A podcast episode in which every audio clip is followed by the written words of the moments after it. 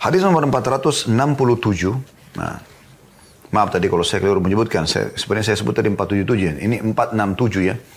Hadis 667 yang akan kita baca pada siang ini. Semoga Allah berkahi berbunyi. Dari Al-Mustawrid bin Shaddad radhiyallahu anhu. Beliau berkata, Rasulullah sallallahu alaihi wasallam bersabda, "Mad dunya fil akhirati illa mithlu ma yaj'alu ahadukum usbu'ahu fil yam, falyanzur bima yarji'." Tidaklah dunia ini dibandingkan dengan akhirat nanti. Akan kita dapatkan di sana. Yang merupakan target setiap orang beriman. Tidaklah dunia ini dibandingkan dengan akhirat, melainkan bagikan salah seorang di antara kalian yang mencelupkan jari tangannya ke dalam lautan. Perhatikanlah apa yang dibawa oleh jari itu. Diriwayatkan oleh Imam Muslim. Hadis ini teman-teman sekalian memberikan pelajaran kepada kita poin luar biasa. Ini termasuk jawami'il kalim perkataan ringkas dari Nabi SAW tapi memiliki banyak sekali makna-makna. Ya. Pelajaran yang bisa kita ambil dari hadis ini adalah bagaimana baginda Nabi SAW memberikan pelajaran kepada kita dan gambaran tentang dunia ini. Sehebat apa pun prestasi yang sudah anda raih, anda akan tinggalkan semua. Selama bukan urusannya dengan urusan akhirat.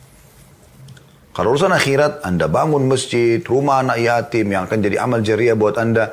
Anda belajar ilmu, Anda ajarkan kepada orang lain yang juga akan terus turun-temurun ilmu itu akan dipelajari dan diterapkan dalam kehidupan. Selain daripada ini urusan dunia, hanya mengejar mobil merek terbaru, rumah di komplek termewah, ya, e, titel, jabatan, semua akan habis dengan kematian. Orang hanya akan mengenang, oh ini bajunya si fulan, rumahnya si fulan, mobilnya si fulan, hanya sebatas itu saja. Tidak akan lebih daripada itu.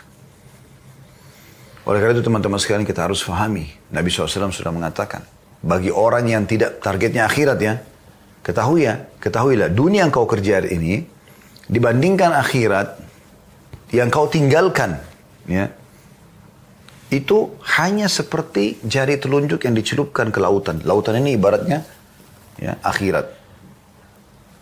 Celupkan jari, angkat kemudian. Jari tersebut, perhatikan apa yang ada dari air lautan tersebut di jari ini. Paling sedikit itu pun dengan, diterpa oleh angin maka akan kering. Inilah perumpamaan dunia, basahnya air yang sedikit di jari kita itu. Dan akhirat adalah lautan yang luas itu.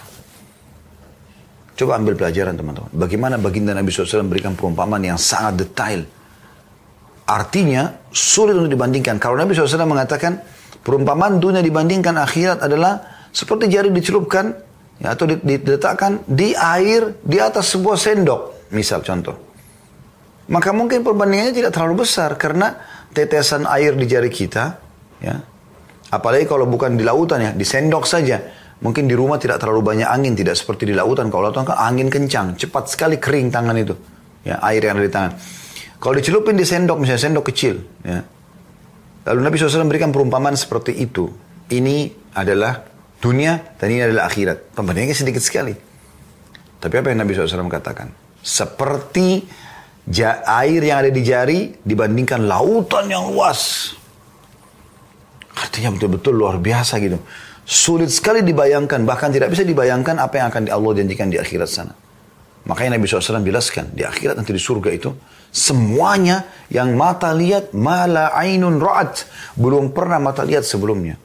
Semua yang akan didengar oleh kuping ma wala udunun sami'at. Tidak pernah kuping dengarkan. Kita terkagum-kagum terus gitu.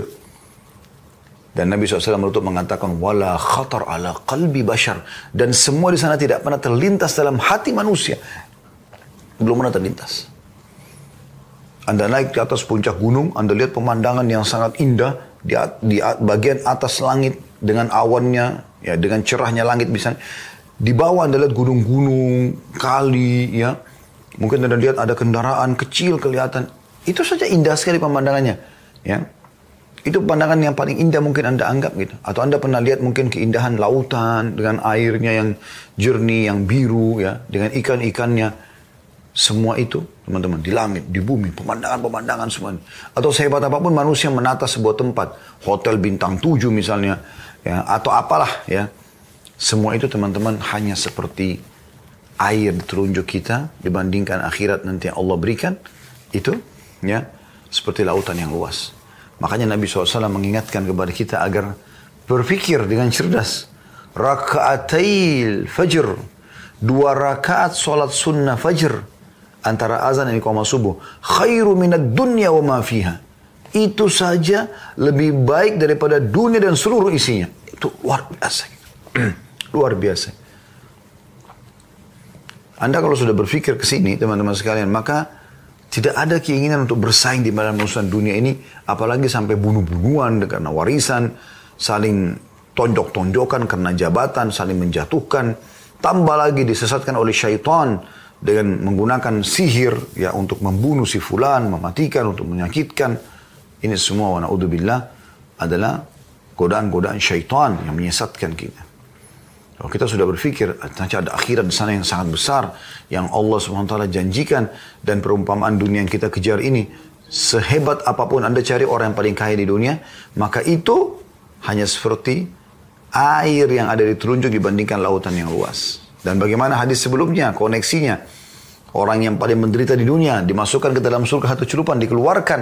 Ditanya, kau pernah lihat penderitaan senam? Pernah kau rasa kesulitan? Dia bersumpah atas Allah mengatakan, tidak demi Allah. Karena nikmatnya surga. Bagaimana dengan orang yang khalidina fiha? Kekal selamanya dalam surga itu. Dan sederhana untuk masuk surga itu. Taat saja. Empat huruf ini. T-A-A-T. Taat kepada Allah. Perintah kerjakan yang wajib dan sunnah. Yang dilarang haram dan makruh jauhi. Selesai. Dan Anda akan menjadi manusia terbaik kalau Anda lakukan itu. Kenapa? Karena memang agama perintahkan semua baik-baik jujur, amanah, tanggung jawab, bakti sama orang tua, jenguk orang sakit, membantu orang susah, semuanya memaafkan, ya. Dan semua yang dilarang menggunjing, memfitnah, memukul, mencuri, ya, menghina, segala macam itu dilarang. Berarti Anda kalau terapkan agama, Anda menjadi manusia yang baik di dunia, dapat juga yang terbaik apa yang Allah jadikan di dunia, di akhirat juga Anda dapat yang terbaik. Lalu kenapa harus menjadi orang jahat? Kenapa harus menjadi orang yang bermaksiat kepada Allah Subhanahu wa taala? Renungi baik-baik ini teman-teman sekalian. Selanjutnya hadis nomor 468 dari Jabir radhiyallahu anhu. Anna Rasulullah sallallahu alaihi wasallam marra bis-suqi wan nasu kanafatayhi. Famarra bijadyin asakka mayyit. فتناوله فأخذ بأذنه ثم قال أيكم يحب أن يكون هذا له بدرهم؟ فقالوا ما نحب أنه لنا بشيء وما نصنع به. ثم قال أتحبون أنه لكم؟ قالوا لا والله لو كان حيا كان عيبا فيه لأنه أسق فكيف وهو ميت؟ فقال فوالله للدنيا أهون على الله من هذا عليكم. Hadis ini diriwayatkan oleh Imam Muslim. Artinya, kata Jabir radhiyallahu anhu, bahwa Rasulullah SAW suatu hari berjalan melewati pasar sementara orang-orang berjalan di kanan dan kiri beliau. Lalu beliau melewati seekor anak kambing yang telinganya kecil dan sudah menjadi bangkai. Beliau lalu mengangkatnya dan memegang telinganya, pegang fisiknya dan memegang kupingnya, bangkai kambing tadi. Kemudian beliau bersabda Sallallahu Alaihi Wasallam, siapa di antara kalian yang mau membeli ini dengan harga satu dirham saja? Artinya murah sekali. Mereka menjawab, kami tidak mau membelinya dengan apa pun. Apa yang bisa kami perbuat dengannya? Kemudian beliau bertanya, apakah kalian berkenan bila diberi? Mereka menjawab, demi Allah seandainya ia hidup, ia cacat. Ia bertelinga kecil. Lalu bagaimana lagi ketika dia sudah jadi bangkai, ia telah jadi bangkai. Maka beliau SAW bersabda, demi Allah sungguh dunia ini lebih hina bagi Allah daripada bangkai itu dalam pandangan kalian. Hadis ini diriwayatkan oleh Muslim. Hadis ini luar biasa teman-teman sekalian memberikan pelajaran lain tentang masalah zuhud terhadap dunia ya. Pelajaran pertama dari hadis kejelian sahabat Nabi Jabir radhiyallahu anhu dan ini sudah sering kami sampaikan. Ada beberapa orang sahabat Nabi teman-teman sekalian, mereka menyampaikan hadis-hadis Nabi langsung to the point. Langsung to the point. Jadi misalnya Nabi bersabda begini, Nabi SAW bersabda begini, aku lihat Nabi SAW melakukan seperti ini. Nabi SAW melarang ini misalnya. Itu boleh-boleh saja tentunya. Dan itu bagus inti permasalahan yang disampaikan. Kita juga langsung tahu, oh ini boleh, ini tidak boleh. Ini diperintahkan, ini dilarang gitu ya. Tapi ada beberapa sahabat jeli dalam menyampaikan riwayat. Mereka tidak langsung masuk ke inti permasalahan, tapi mereka sedikit menceritakan kepada kita tentang kejadian. Dan ini sangat besar manfaatnya buat kita di saat ini. Pada saat itu Jabir radhiyallahu sedang berjalan dengan Nabi SAW dan para sahabat. Tentu kalau sahabat-sahabat yang pada saat itu hadir, Jabir mengatakan kami berjalan bersama Nabi SAW. Mereka memang lagi berjalan, mereka tidak terlalu penting dengan informasi itu. Tapi kita sekarang penting. Oh kita jadi tahu ternyata sabda Nabi SAW disampaikan di pasar, di depan para sahabat yang sedang berjalan bersama beliau. Nah ini informasi penting buat kita. Tambahan informasi, kita seperti sedang menyaksikan Nabi SAW sedang jalan bersama para sahabat karena Jabir menggambarkan itu radhiyallahu anhu. Ini pelajaran pertama. Pelajaran yang kedua, bagaimana Rasulullah SAW juga masuk ke pasar. Ya. Dan itu Allah gambarkan juga tentang para nabi-nabi. Ya. Karena sebagian kaum-kaum dahulu yang durhaka kepada Allah SWT, mereka mengatakan, Mali dan nabi, ke apa nabi ini? Ya'kulu ta'am mimshi fil aswak. Jalan, makan makanan dan jalan di pasar. Maka Allah bantah itu dalam Al-Quran. Kalau memang kami ciptakan para nabi, mereka makan. Mereka punya keturunan. Mereka masuk ke pasar. Itu bukan aib. Yang penting bukan orang menjadikan pasar sebagai target dia jalan-jalan menghabiskan waktu saja. Tapi karena keperluan. Kalau para pedagang punya hak mereka berdagang. Bahkan Nabi SAW menjanjikan pedagang yang jujur, amanah. ya Mereka akan bersama dengan para nabi-nabi, orang-orang jujur pada hari kiamat nanti. Jadi memang ada bab itu, tetapi jangan dijadikan sebagai target utama karena memang ada juga hadis-hadis Nabi SAW yang lain yang menggambarkan bagaimana eh, syaitan itu menancapkan bendera-bendera dia, ya. Iblis menancapkan bendera-bendera di pasar. Karena paling mudah menyesatkan orang di pasar gitu kan, baik pedagang ataupun pembelinya. Ya, apalagi kalau dalam kondisi mereka terbuka aurat, mereka transaksi ribawi, mereka transaksi yang haram, manipulasi data dan segala macam ini akan sangat dekat dengan neraka karena transaksi-transaksi yang haram tentunya. Tetapi pelajaran di sini adalah Nabi SAW juga jalan di pasar, tapi beliau ada hajat. Ya. Dan bagaimana baginda Nabi SAW, ini pelajaran yang ketiga dari hadis, mengambil atau memberikan sebuah pelajaran ya dengan perumpamaan dan ini penting bagi para guru, ya, orang tua. Kalau kita mau mengajarkan sesuatu pada orang, pada murid, pada anak-anak, ya, pada teman-teman komunitas juga begitu. Ada saatnya kita menyampaikan secara langsung, ada saatnya kita berikan perumpamaan.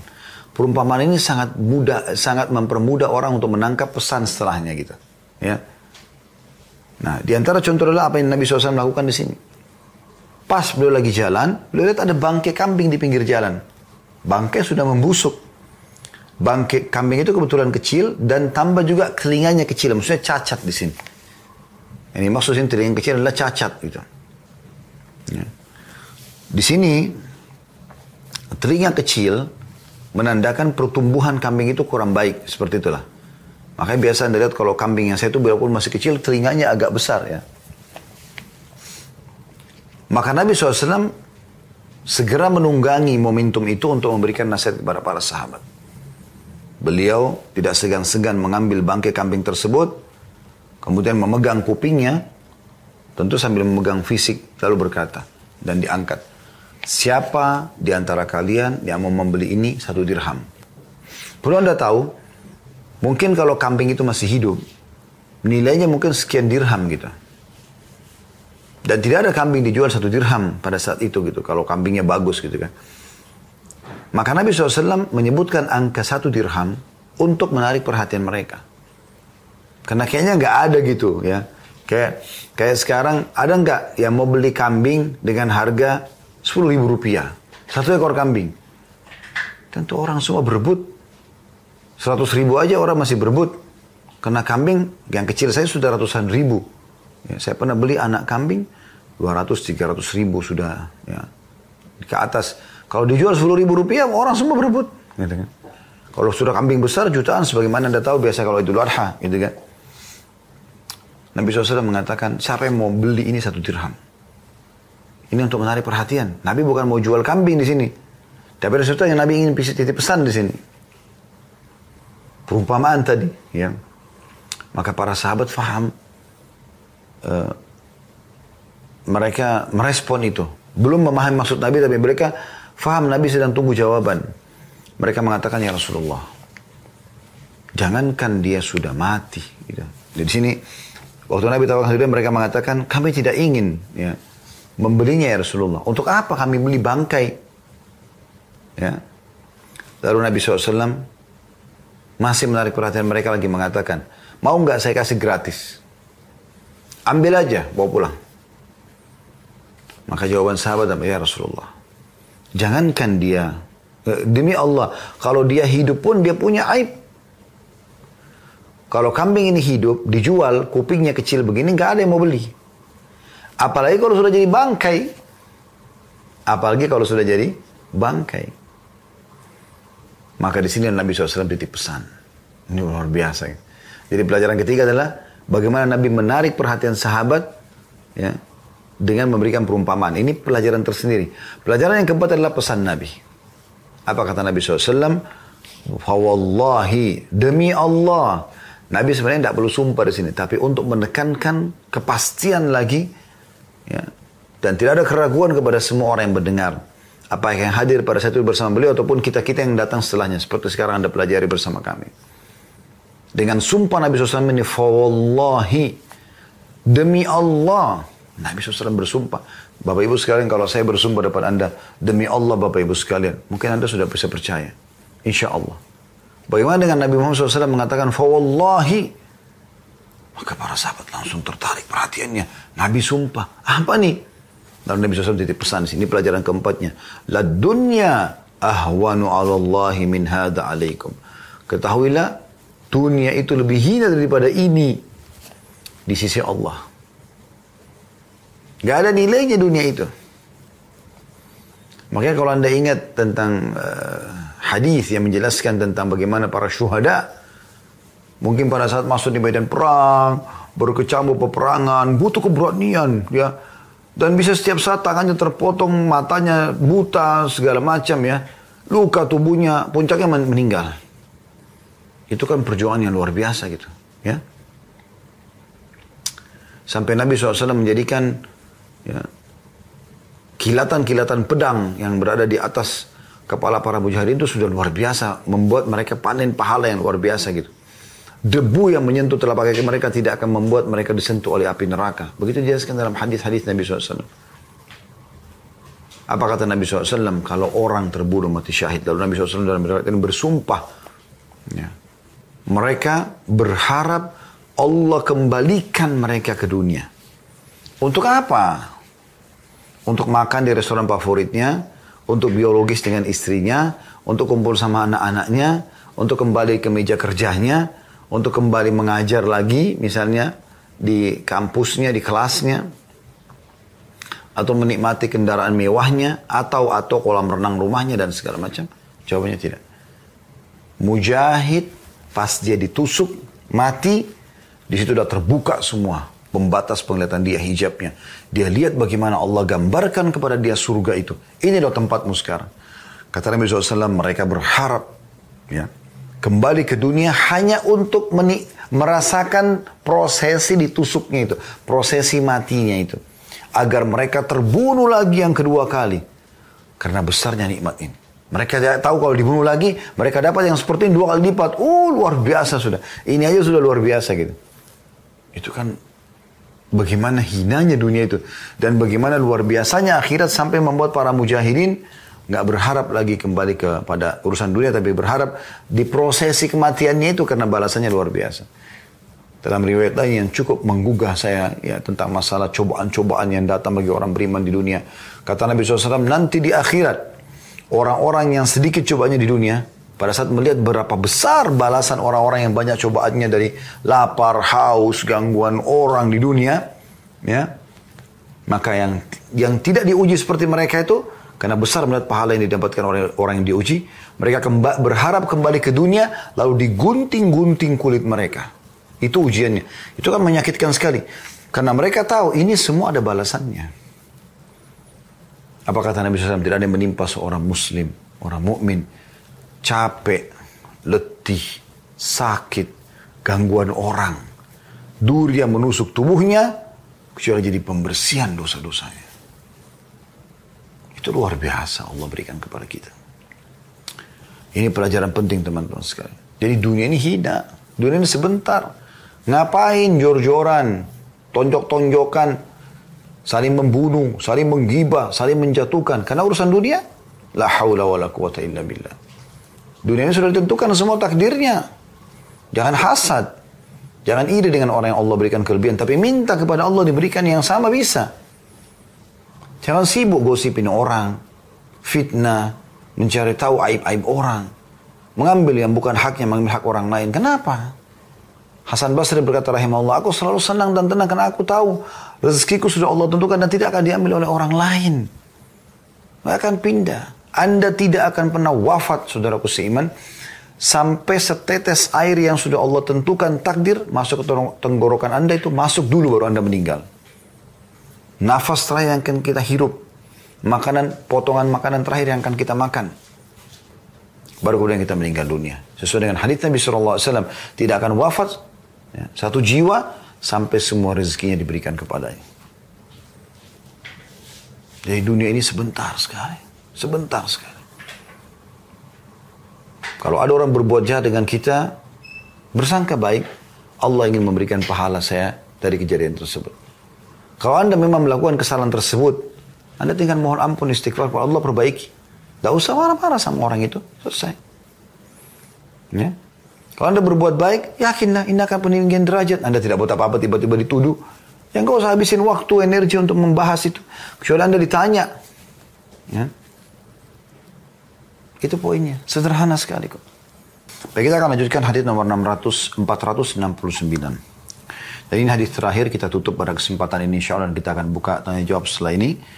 Dari Abu Dhar radhiyallahu anhu beliau berkata, "Kuntu amshi ma'an Nabi sallallahu alaihi wasallam fi harratin bil Madinah, fastaqbalana Uhud, faqal ya Abu Dharr, قلت لبيك يا رسول الله فقال ما يسرني أن عندي مثل أحد هذا ذهبا؟ تمضي علي ثلاثة أيام وعندي منه دينار. إلا شيء أرصده لديني إلا أن أقول بي في عباد الله هكذا وهكذا عن يمينه وعن شماله ومن خلفه. ثم سار فقال إن الأكثرين هم الأكلون يوم القيامة إلا من قال بالمال هكذا وهكذا. عن يمينه وعن شماله ومن خلفه وقليل ما هم.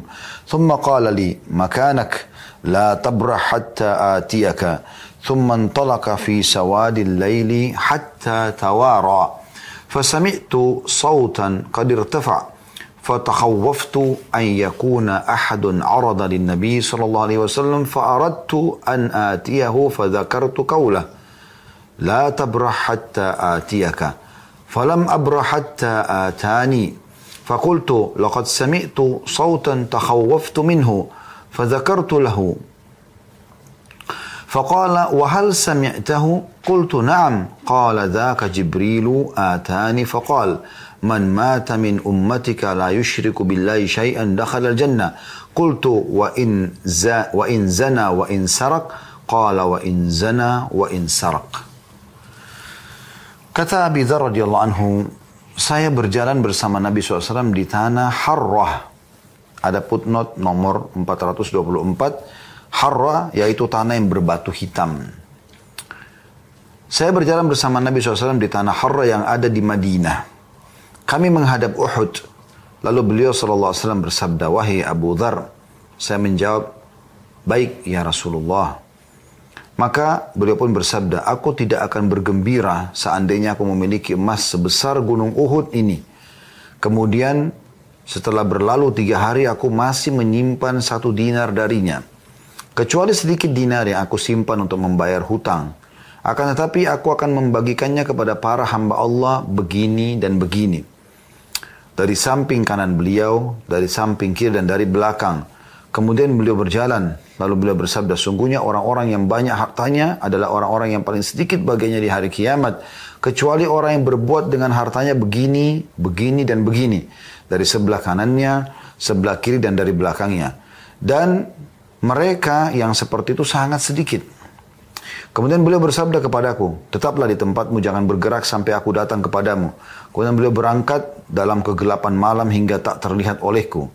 Aku mendua, mendengar suara gaduh. Aku khawatir bila ada seseorang yang berbuat jahat terhadap beliau. Maka aku hendak menyusulnya. Namun aku teringat sabda beliau, jangan beranjak sampai aku datang kepadamu. Maka aku tidak meninggalkan tempat itu hingga beliau mendatangiku. Lalu aku bertanya, sungguh aku tadi mendengar suara. Aku sangat, aku takut engkau ditimpa sesuatu yang buruk. Lalu aku menceritakan kepada beliau dan beliau balik bertanya, apakah kamu mendengarkannya? Aku menjawab, ya. Beliau SAW menjelaskan, itu adalah Jibril yang mendatangiku lalu berkata kepadaku, barang siapa mati dari umatmu dalam keadaan tidak menyekutukan sesuatu kepada Allah, ia pasti masuk surga. Maka aku bertanya, meskipun ia ber, pernah berzina dan mencuri, kata Nabi SAW, meskipun ia pernah berzina dan mencuri. Hadis ini diriwayatkan oleh Bukhari dan Muslim dan ini adalah lafaz Imam Bukhari. Saya lanjutkan langsung dengan hadis 470 karena ini serupa ya. Dari Abu Hurairah radhiyallahu anhu dari Rasulullah SAW beliau bersabda, "Lau kana li mithlu Uhudin zahaban alla tamurra alayya thalathu layalin wa indi minhu syai'un illa syai'un arsuduhu lidaini." Atau lidain. Seandainya aku memiliki emas sebesar gunung Uhud, niscaya aku gembira manakala emas itu tidak sampai lewat tiga malam, sementara ia masih ada pada aku sedikit, sekalipun sedikit, kecuali yang aku simpan untuk membayar hutang. Hadis ini diriwayatkan oleh Bukhari dan Muslim. Baik teman-teman sekalian, hadis ini cukup panjang, lumayan panjang, namun insya Allah memiliki banyak kandungan makna. Kita ambil pelajaran pertama, mirip dengan tadi ada hadis Jabir ya. Sebelumnya saya mengatakan faedah pertama adalah kecerdasan sahabat ini. Bagaimana di sini Abu Dhar radhiyallahu anhu tidak langsung menjelaskan to the point. Beliau bisa menyampaikan akhir hadis ini. Misalnya beliau mengatakan Rasulullah SAW mengatakan kepadaku, semua dari umatnya ya, yang tidak meninggal tidak syirik kepada Allah, maka akan masuk surga walaupun berzina dan mencuri. Atau pernah berzina dan mencuri.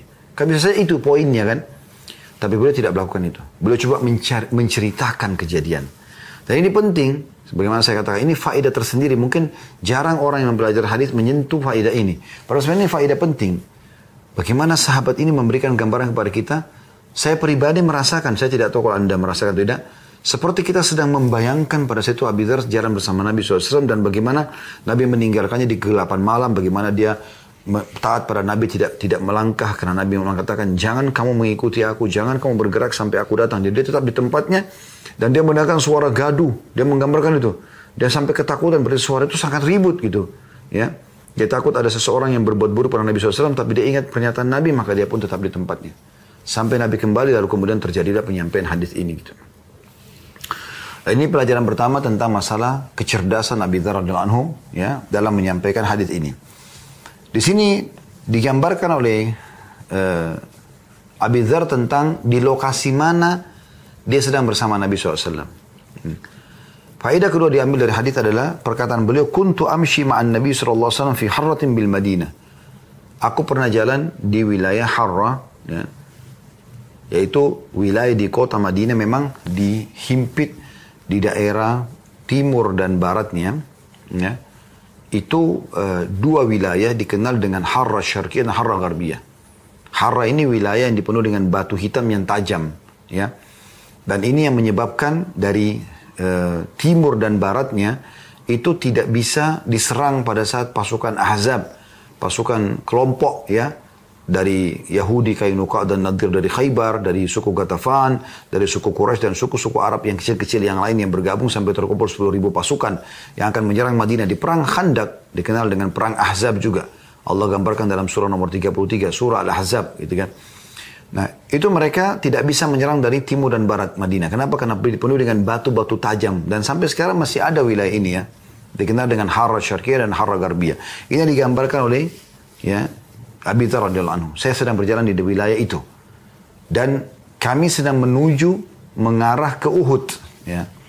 Mengarah ke Gunung Uhud. Ini pelajaran yang kedua, yaitu kita mengetahui di Madinah ada wilayah Harrah. Ya. Pelajaran yang ketiga adalah bagaimana Nabi SAW memberikan perumpamaan juga kepada Abi Dhar. Ini pelajaran ketiga, mirip dengan perumpamaan tadi ya. Nabi SAW begitu mengarah ke Uhud, kelihatan kelihatan Uhud, Uhud begitu besar di hadapannya, gitu kan. Maka Nabi SAW menggambarkan dan Uhud ini hampir dari semua sisi kota Madinah bisa terlihat teman-teman sekalian. Bisa terlihat. Maka Nabi SAW memberikan gambaran kepada Abi Dhar. Dan Nabi SAW tahu ini akan nyebar. Termasuk anda setelah 1400 ya, tahun lebih Nabi SAW sampaikan hadis ini. Sampai ke telinga anda siang ini. Nabi tahu SAW akan sampai kepada kita semua. Dan akan sampai kepada umatnya yang coba mempelajari hadis-hadis beliau sampai menjelang hari kiamat nanti.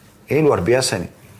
Beliau kasih perumpamaan Gunung Uhud dan sekarang semua orang yang masuk kota Madinah, kalau anda pernah masuk, anda pasti akan bisa lihat hampir dari semua sisi Madinah bisa kelihatan Uhud karena besarnya gunung itu, gitu kan. Dan dia berada di tengah-tengah kota di berada di tengah-tengah Madinah gitu ya, di salah satu ya uh, apa wilayah di, di, di, di kota Madinah itu sendiri. Maka Nabi SAW mengatakan di sini, berikan perumpamaan. Ya. Wahai Abidhar, aku tidak ingin memiliki emas. Orang semua tahu emas nilainya tinggi. Walaupun masih ada yang lain, berlian segala macam mungkin ada lebih mahal, tapi emas ini umum, gitu kan. Orang semua tahu kalau ini bernilai sampai orang banyak investasi emas. Maka Nabi SAW berikan gambaran, aku tidak ingin punya emas sebanyak gunung Uhud ini. Semuanya ini emas. Tinggal aku simpan selama tiga hari, kecuali aku sudah berinfak semuanya. Tidak boleh ada tinggal sedikit pun. Kecuali aku butuhkan untuk membayar utangku. Ini perumpamaan dari Nabi Shallallahu Alaihi Wasallam. Ini perumpamaan penting. Artinya setiap mukmin harusnya sadar dia harus harta yang dia miliki dia bawa ke akhirat sana. Bukan dia tumpuk di dunia yang akhirnya cuma ditinggal untuk ahli waris. Tapi bagaimana dia jadikan itu sebagai amal-amal saleh yang dia bawa ke akhirat nanti. Makanya masuk dalam bab zuhud hadis ini. Pelajaran yang keempat adalah ya, yang kita ambil di sini bagaimana Nabi alaihi salatu wassalam menjelaskan tentang pentingnya sedekah. Dan bagaimana beliau wasallam menggambarkan orang kaya itu cuma dua keadaannya dia akan selamat dengan hartanya di akhirat dan panen pahala yang sangat banyak dengan harta karena selama dunia dia bersedekah atau memang dia akan sangat sulit di akhirat justru karena disulitkan dengan hartanya. Jadi tidak pernah mau tahu sumbernya dari mana halal atau tidak, dia juga tidak pernah mensedekahkan. Makanya sabda Nabi SAW sini ambil dari potongan, beliau mengatakan, Innal aksarina humul akalluna yawmal qiyamah illa man qala bil malik hakada wa hakada. Ayyamini wa anshimari wa min khalfi. Sesungguhnya orang yang hartanya melimpah itu akan menjadi orang yang sangat sedikit yang selamat di akhirat nanti. Kecuali orang yang sibuk mengeluarkan hartanya. Lalu Nabi SAW berikan gambaran. Ke kanan, ke kiri, ke belakang, semua dibantu dia keluarin untuk jalan Allah SWT. Kecuali itu baru dia selamat. Bahkan dia bisa menjadi orang yang meraih prestasi terbaik di akhirat nanti. Dan memang kita tahu teman-teman sekalian dalam Islam tidak ada namanya bakhil. Pelit tidak boleh. Itu bagian daripada dosa besar. Yang ada cuma kedermawanan. Berbagi, berbagi, berbagi dan berbagi. Ini sudah sering kami bahas. Kami bukan ada bahasan khusus dulu dahsyatnya, dahsyatnya sedekah. Dahsyatnya sedekah itu luar biasa. Ya dia akan banyak menyelesaikan banyak perkara ya. Sampai seorang salah mengatakan sungguh sedekah itu akan menghilangkan 70 pintu bala ya. Dan juga kata Nabi SAW as-sadaqah eh, mana kasamaru min sadaqah tidak akan berkurang harta yang dikeluarkan karena bersedekah itu. Justru bertambah gitu. Dan ini sudah sering kami bahasakan resep yang luar biasa. Terapkan teman-teman sekalian. Sedekah obati apa pun dengan sedekah ada masalah yang belum selesai, doa yang belum terijabah, ya. Kegundahan jiwa, sedekah. Niat dengan sedekah itu Allah Subhanahu wa taala bisa selesaikan permasalahan kita. Karena kata Nabi SAW, "As-sadaqatu tudfi'u ghadabur rahman wa tadfa'u an mitati su." Sedekah itu akan menolak murkahnya Allah dan juga akan menolak kematian buruk. Nabi SAW berikan gambaran. Ayo umatku sedekah. Kalau aku punya seperti gunung Uhud emas semuanya, tidak akan lewat tiga hari. Kan untuk bagi tidak mungkin dalam sehari. Ini rasional. Selama tiga hari aku akan sibuk terus sedekahkan kecuali aku butuhkan untuk kebutuhan dasar-dasarku, terutama membayar utang kepada orang. Ya, ada motivasi di sini untuk bersedekah gitu. Pelajaran yang kelima, bagaimana Nabi alaihi salatu wassalam pada saat itu mendapatkan wahyu dan kedatangan Jibril, kedatangan Jibril ya. Dan itu sesuai dengan penyampaian Nabi SAW kepada Abi Dhar pada saat mengatakan saya mendengarkan suara ya Rasulullah. Saya khawatir anda tertimpa sesuatu gitu kan. Maka Nabi SAW mengatakan apa kau dengar? Dia bilang iya. Itu suara Jibril yang datang. Ya, entah suara seperti apa gaduhnya tapi yang jelas dari situ Jibril datang menemui Nabi SAW. Ini pelajaran kelima. Pelajaran yang keenam adalah bagaimana patuhnya Abi Dhar terhadap perintah Nabi SAW. Karena Nabi SAW mengatakan, jangan kau tinggalkan tempat ini. Nabi stopkan dia. Dan mengatakan, tunggu di sini. Sampai aku kembali. Bagaimana patuhnya sahabat itu para Nabi kepada Nabi SAW. Yang terjadi juga pada Abdullah bin Mas'ud ya. radhiyallahu anhu pada saat di masih kasus di Mekah sebelum hijrah ke Madinah. Ini kan kisah di Madinah sekarang. Sebelum hijrah ke Madinah, dulu pernah Nabi SAW uh, ditemui oleh jin-jin dari wilayah Nusaybin. Nusaybin itu di wilayah Irak. Ya. Waktu penduduk Mekah menolak dakwah Nabi SAW. Plus lagi pada saat itu terkenal dengan Amal Huzun, tahun kesedihan meninggalnya Khadijah radhiyallahu anha, istri tercinta Nabi SAW. Nabi sedih, meninggal juga pamannya Abu Talib walaupun dalam keadaan kafir yang membela dakwah selama ini. Dan Nabi SAW sedih pada saat itu dikenal dengan Amul Huzun, tahun kesedihan. Allah subhanahu wa ta'ala menghibur Nabi Muhammad SAW dengan dua kejadian besar, yaitu masuk Islamnya jin Nusaybin, ya, dan juga kejadian Isra dan Mi'raj. Ini sudah kami jelaskan di Sirah Nabawi. Nah, masuk Islam jin Nusaybin ini terjadi Nabi SAW sedang berjalan dengan Abdullah, Abdullah bin Mas'ud radhiyallahu lalu Nabi SAW menggaris sebuah garis mengatakan jangan kau lewati garis ini hai Abdullah. Lalu Nabi SAW jalan jauh di padang pasir masih terlihat tapi bayangan gitu ya. Abdullah Mas'ud mengatakan tiba-tiba aku melihat laki-laki banyak mengurumuni Nabi SAW yang menggunakan baju putih, kepala mereka seperti kendi-kendi air. Dan mereka makin banyak mengurumuni Nabi SAW sampai aku khawatir jangan sampai mereka menyakiti Nabi SAW. Tapi aku mengingat Nabi mengatakan jangan melewati garis ini, maka aku pun membiarkan. Itu saking patuhnya kepada Nabi SAW dan ternyata itu adalah golongan jin yang masuk Islam di tangan Nabi SAW. Nah, seperti itu kasusnya pada Abi Dhar ini. Walaupun sudah sangat menakutkan, tapi karena Nabi yang bicara, selesai. Mereka patuh. Gitu kan. Nah, ini yang seharusnya dilakukan oleh setiap orang muslim. Mereka patuh atas perintah dan larangan baginda Nabi SAW. Bahkan melebihi hawa nafsu mereka sendiri. Kata Nabi SAW, tidak akan sempurna iman kalian sampai kalian mencintai aku melebihi daripada dirinya, keluarganya, hartanya, semuanya.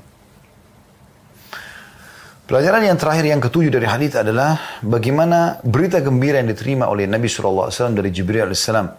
Siapa pun yang meninggal dari umat ini yang tidak menyekutukan Allah dengan sesuatu apa pun, ya, tidak bermain dukun, ya, tidak syirik kepada Allah Subhanahu Wa Taala, maka dipastikan akan masuk surga walaupun dia pernah berzina dan pernah mencuri. Di sini bukan berarti pemahamannya zina dan mencuri berarti boleh saja orang buat, bukan. Kalau zina sama ya percer, uh, pencuriannya ini dia ulangi berulang kali dan berat dosanya, maka secara otomatis dia masuk neraka dulu baru dia dikeluarkan. Nanti masuk ke surga, tapi lewat neraka dulu, gitu kan?